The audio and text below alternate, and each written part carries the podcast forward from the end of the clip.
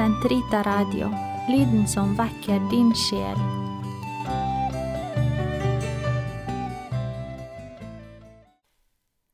Karmels hage, episode 42 Og da har vi barnesinn. Nettopp da kom disiplene og spurte Jesus, Hvem er den største i himmelriket? Da kalte han til seg et lite barn, stilte det midt iblant dem og sa, Sannelig, jeg sier dere, uten at dere vender om og blir som barn, kommer dere ikke inn i himmelriket. Den som gjør seg selv liten som dette barnet, han er den største i himmelriket. Og den som tar imot et slikt lite barn i mitt navn, tar imot meg. Matteus 18, 1–6 Ved inngangen til adventstiden er det godt å besinne seg, godt å virkelig tenke gjennom hva det er som driver oss, hva det er vi vurderer som viktig. Hvor er jeg på min trosvei? Kjemper jeg fremdeles stort sett mine store egosentrerte slag? Eller har jeg tatt mot til meg og kvittet meg med stadig flere kilo fra stolthetens og hovmodets tunge sekk? Den som til enhver tid holder oss igjen på vår trosvei. I denne adventstiden er det godt å få la barnet tale. Dette skal vi snakke litt om i dag når jeg leser for dere fra kapittelet Da har vi barnet sin, i den boken som kommer på St. Olav forlag i 2022. Først ber vi sammen. Kom, Hellige Ånd, fyll dine troendes hjerter og tenn i dem din kjærlighetsild, du som gjennom de mangfoldige tungemål samlet alle folkeslag til troens enhet. Send ut din ånd, og alt skal bli omskapt, og du fornyer jordens åsyn. La oss be. Gud, du har opplyst de troendes hjerter ved Den hellige ånd. Gi oss at vi ved din ånd kan glede oss over det som er rett, og alltid bli lykkelige ved Hans trøst. Ved Kristus vår Herre. Amen. Gud har et mot og en kjærlighet som overgår all vår forstand. Han hadde mot til å skape oss med fri vilje, med frihet til å fornekte, ignorere og spotte ham. Han måtte skape oss til handlende individer som kunne velge å elske ham eller å la være. Uten den frie viljen ville vi heller ikke ha noen mulighet til å besvare Guds kjærlighet. Si ja som Maria. Vi kunne ikke stadig på nytt innse våre svik og mangler og stadig på nytt velge å venne oss til ham, som bare lengter oss etter oss og å be ham om å bli født på ny. Å la oss bli født på ny er selvsagt avhengig av vår frie vilje, frie vilje til å bli liten som et barn. Ved det vesle barnet tar hele vår gjenløsning til. Å kontemplere Guds kjærlighet er altså å ta del i denne mest forunderlige av alle gaver, Guds gave av seg selv, til menneskeheten, ved barnet i krybben. Gaven av seg selv som et hjelpeløst barn som stiger ned fra sin allmakt ved himmelens trone, for så overgis i den største moderlige kjærlighet hos Maria, og så videre til bødlenes tortur og mishandling. Gratis, frivillig, uten spekta spekta spektakulær fanfare skjult under sin mors hjerte, skjult i Betlehem, skjult under flukt og i hverdagens strev. Slik kommer Gud til sine elskede mennesker.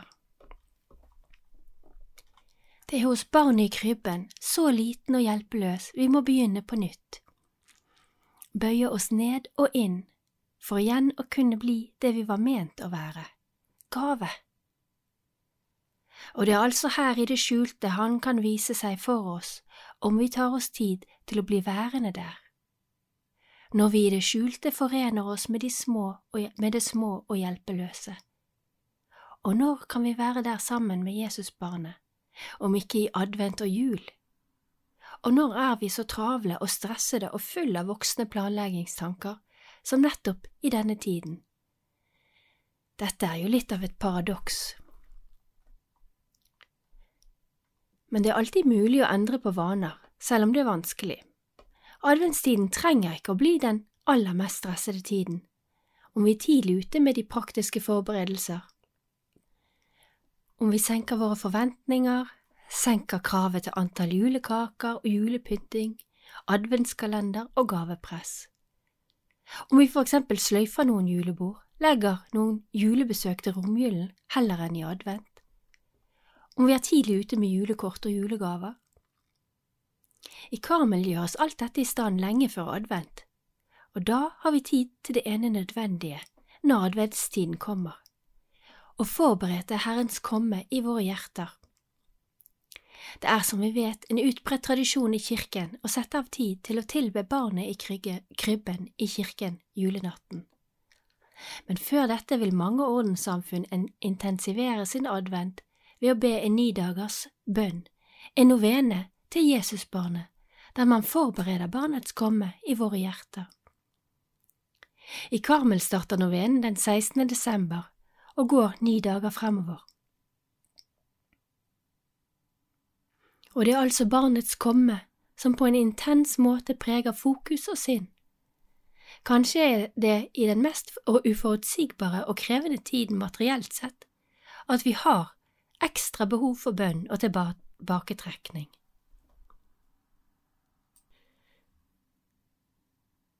Barnet hos Maria og Josef i Betlehem Sammen med Maria og Josef, sammen i Betlehem, kan den nyfødte fortelle oss alt vi trenger å vite som nybegynnere på bønnens vei. Fullkommen tillit, fullkommen avhengighet, hyppig tilbakevending til ham som gir oss nådens melk, og en fullkommen væren i hans armer. Slik vi ser Jesusbarnet Josef og Marias armer i stallen, slik skal vår sjel være i ham. Barnet forteller oss også noe om Guds kjærlighet til oss. Foreldre som har holdt sitt nyfødte barn, vet at de aldri kan slutte å elske det i dypet av sitt hjerte, uansett hvordan det skulle utvikle seg. Alt hva som hender senere, vil være preget av og beskyttet av denne første kjærligheten mellom foreldre og barn.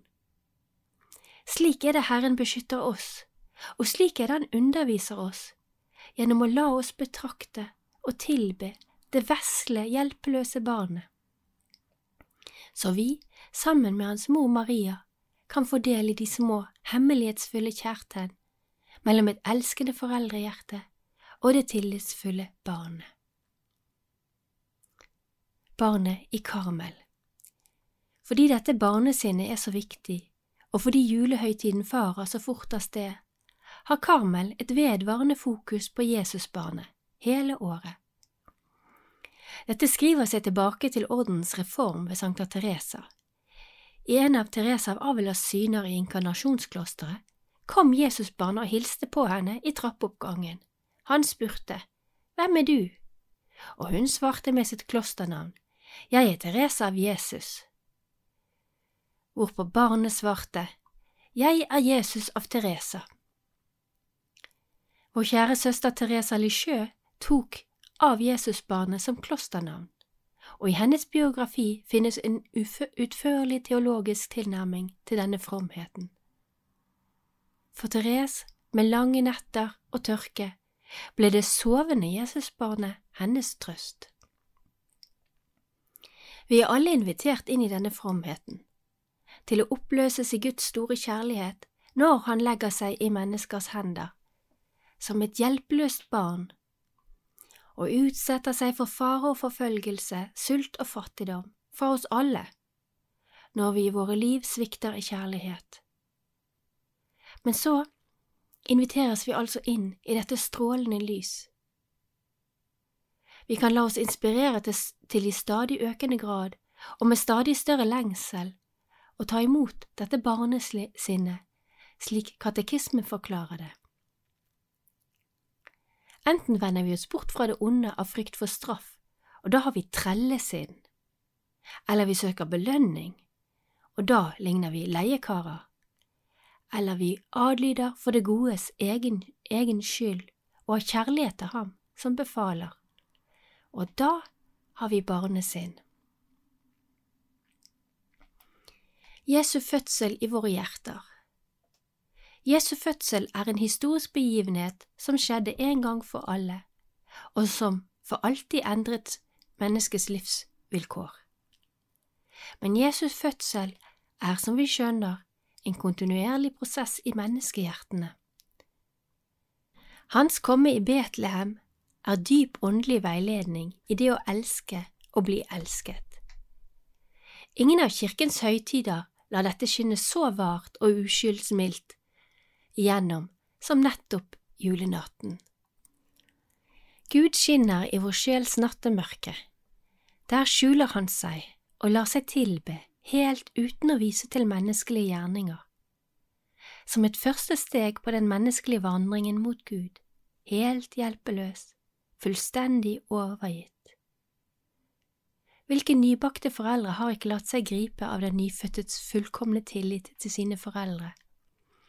Undret seg over barnets første instinktive søken etter næring, idet det legget, legges ved morens bryst etter fødselen. Med Teresa Lisieux kan vi lære at tilbedelse av barnet i krybben og et ekte barnesinn ikke kan begrenses til følelser av andakt og eventuell julestemning. Bønnelivets tørke, julestri, matlaging og spente urolige barn rundt juletre og pakker trenger ikke å være et hinder for vårt barnesinn. Sammen med Therese, Karmelittorden og hele kirken kan vi, spesielt i adventstiden, instinktivt vende oss mot barnet. Vi kan la det sovende barnet i krybben vekke mildhet, ro og kjærlighet i denne mørkeste og kanskje også travleste tiden på året. Sammen med Karmelittorden kan vi få anledning til å sette julen også i et personlig, åndelig perspektiv, slik Elisabeth av treenigheten beskriver det. Jul i Karmel er noe enestående. Om kvelden gikk jeg og satte meg i koret, og der tilbrakte jeg hele min julevake sammen med Den hellige jomfru, som ventet på det guddommelige barnet, som denne gang skulle fødes, ikke i krybben, men i min sjel, i våre sjeler, for det er virkelig den profeterte Emanuel, Gud med oss. Matteus 1, 23 Når Jesusbarnet har så mye å lære oss, hvorfor er vi da så snare til å rydde julen ut av våre hus? Er det kanskje alt som ikke er jul vi er blitt lei av, og så heller vi også ut barnet med badevannet? La ikke julen bli noe som er over. La det være kontinuerlig juleglede i ditt hjerte. Bevar i det minste julekrybben til 6. januar, som er avslutningen av juletiden i den katolske kalenderen. I gamle dager varte julen helt til kyndelsmesse 2. februar. Kanskje ikke så dumt med tanke på virkelig å få lære Jesusbarnet å kjenne. Forskjellen mellom barnslig og barnlig Jeg tenker ofte på hva det er som hindrer meg i å ville være et lite barn. Er det min uvilje mot å bryte med alt jeg har lært om å være voksen, være sterk, selvstendig, klare meg selv? er det hovmodet i meg som ikke vil gi slipp på den voksne mestring og søken etter å oppnå noe? Er det vår kulturs frakt for det svake og belønning av intellekt, produktivitet og vellykkethet? Hvilket voksent menneske kan ønske seg tilbake til denne lave, hjelpeløse plassen som et barn har? Jeg tror likevel at noe av det viktigste som hindrer en som søker Herren, er at vi ikke har helt sett forskjellen på de to begrepene barnslig og barnlig. Vi kan igjen vende blikket mot lille Teresa Jesusbarnet. Barnekåret skal forklares for oss av denne vesle Herrens tjenerinne, hun som ikke klarte å gå trappen opp til himmelen slik de store helgene før han hadde gjort, gjennom kraft, gjerninger, utholdenhet og store dyder. Hun som måtte ta heisen Herrens barmhjertige kjærlighet, Hans armer. Thereses liv avslører for oss to barnemåter. En, den barnslige måten. Det gråtende, forkjelte barnet som hun opplevde seg selv å være inntil hennes store omvendelse, da hun julenatten, i sitt fjortende år, ifølge henne selv, gjenfant sitt barnesinn. To. Den barnlige måten. Alltid å være Herrens vesle, lydige barn. Alltid å være utenfor tjenester, og med fullkommen tillit til og forventning om Guds nåde. Therese gir seg så hen til hans miskunn, og til en slik grad at hun våger å be om å få være Jesusbarnets leketøy. Den vesle ballen han kunne kaste på bakken og sparke, bore hull i, forlate i et hjørne eller trykke til sitt hjerte, nøyaktig som han ville. Kort sagt, hun ønsket å more det lille Jesusbarnet, glede ham og hengi seg til hans barnlige luner. Og det er nettopp gjennom Therese at vi kan lære å se skillet mellom barnets barnslighet, manipulerende eller tyranniske atferd for å oppnå ønsker, og den overgivne barnlighet som Therese fikk ta del i. For hva skjer ikke med det vesle Jesusbarnet? Jo, det faller i søvn. Det sovende Jesusbarnet. Etter at Therese var dratt til Roma sammen med sin far for å overtale pave Leo til å la henne tre inn i karmelittorden i en alder av 15 år, og ikke fikk den godkjenning hun håpet på, gikk hun inn i sitt livs største prøvelse. Det hun beskriver om denne prøvelsen, er også en vakker skildring av et aspekt ved barnekårets teologi, det sovende Jesusbarnet. Han er ikke mindre kjærlig ikke mindre elskende, men sovende i våre liv. Hun skriver, I Roma gjennombåret Jesus den lille leken sin, han ville se hva som var inni, og da han hadde sett det og var tilfreds med det, han så, lot han ballen sin falle til jorden og sovnet. Og her befinner hun seg altså så mange ganger i livet, i åndelig mørke, med Jesusbarnet sovende i krybben, og hva trøster hun seg med? Hun skriver, Hva gjorde han mens han sov så søtt, og hva hendte med den vesle, forlatte ballen? Jesus drømte at den igjen moret seg med det lille leketøyet sitt. Vekselvis kastet han ballen fra seg og tok den opp igjen, og etter at han hadde latt den trille bortover et langt stykke, trykket han den til sitt hjerte, og hans lille hånd ville aldri mer slippe den. Therese hadde funnet en mening med livet, hun ville være en gave til ham. Ballen barnet kunne leke med, og som den voksne, lidende Jesus en dag skulle få eie og bruke i sitt frelsesverk. Den lille vei til åndelig barndom For Therese var dette kun begynnelsen på en veldig liten vei til barnekårets ånd. Den lille veien til åndelig barndom den som gir oss tilbake til Jesus på den tryggeste og mest kjærlighetsfulle måten. Og uten at vi elsker denne veien og prøver å gå den selv, tror jeg ikke at vi skal få så mye ut av kontakten med Therese, eller Karmel for den saks skyld. Kanskje Thereses hemmelighet skal gi oss litt inspirasjon til å gå videre. I et brev til sin søster Agnes forklarer hun sin fantastiske hemmelighet. Jeg har gjort det til et poeng aldri å bli voksen. Å være liten betyr at du aldri kan ta æren for de dyder du utfører. Fem dager før sin død ytrer hun. De små vil bli dømt med ekstrem mildhet, og du kan ganske sikkert få bli liten selv i en ansvarsfull posisjon, selv om du blir veldig gammel. Hvis jeg hadde dødd som 80-åring, ville jeg ha vært i, og, og hadde vært i Kina og over hele verden. Jeg er overbevist om at jeg ville dødd så liten som jeg er i dag. Og det er skrevet at til slutt vil Herren oppreise og frelse de milde og ydmyke av hjerte på jorden. Det står ikke dømme, men frelse. Så ved avslutningen av dette kapittelet kommer det som ikke kan sies med ord men som kun kan erfares. Vi må bli værende i ham, og hvor de stadig gjentas disse Jesu ord i evangelisten Johannes' penn, bli værende i meg. Om du trenger litt inspirasjon til forberedelse for å ta skrittet inn i barnekårets ånd, så finn frem Johannesevangeliet og les kapittel 15.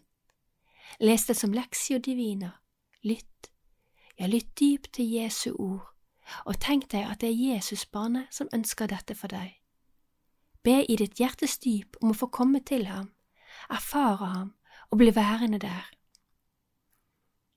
Å lære Jesus Kristus å kjenne er å stadig synke dypere ned i Hans kjærlighet, og la ham ta over og rive deg ned fra hovmodets tinner.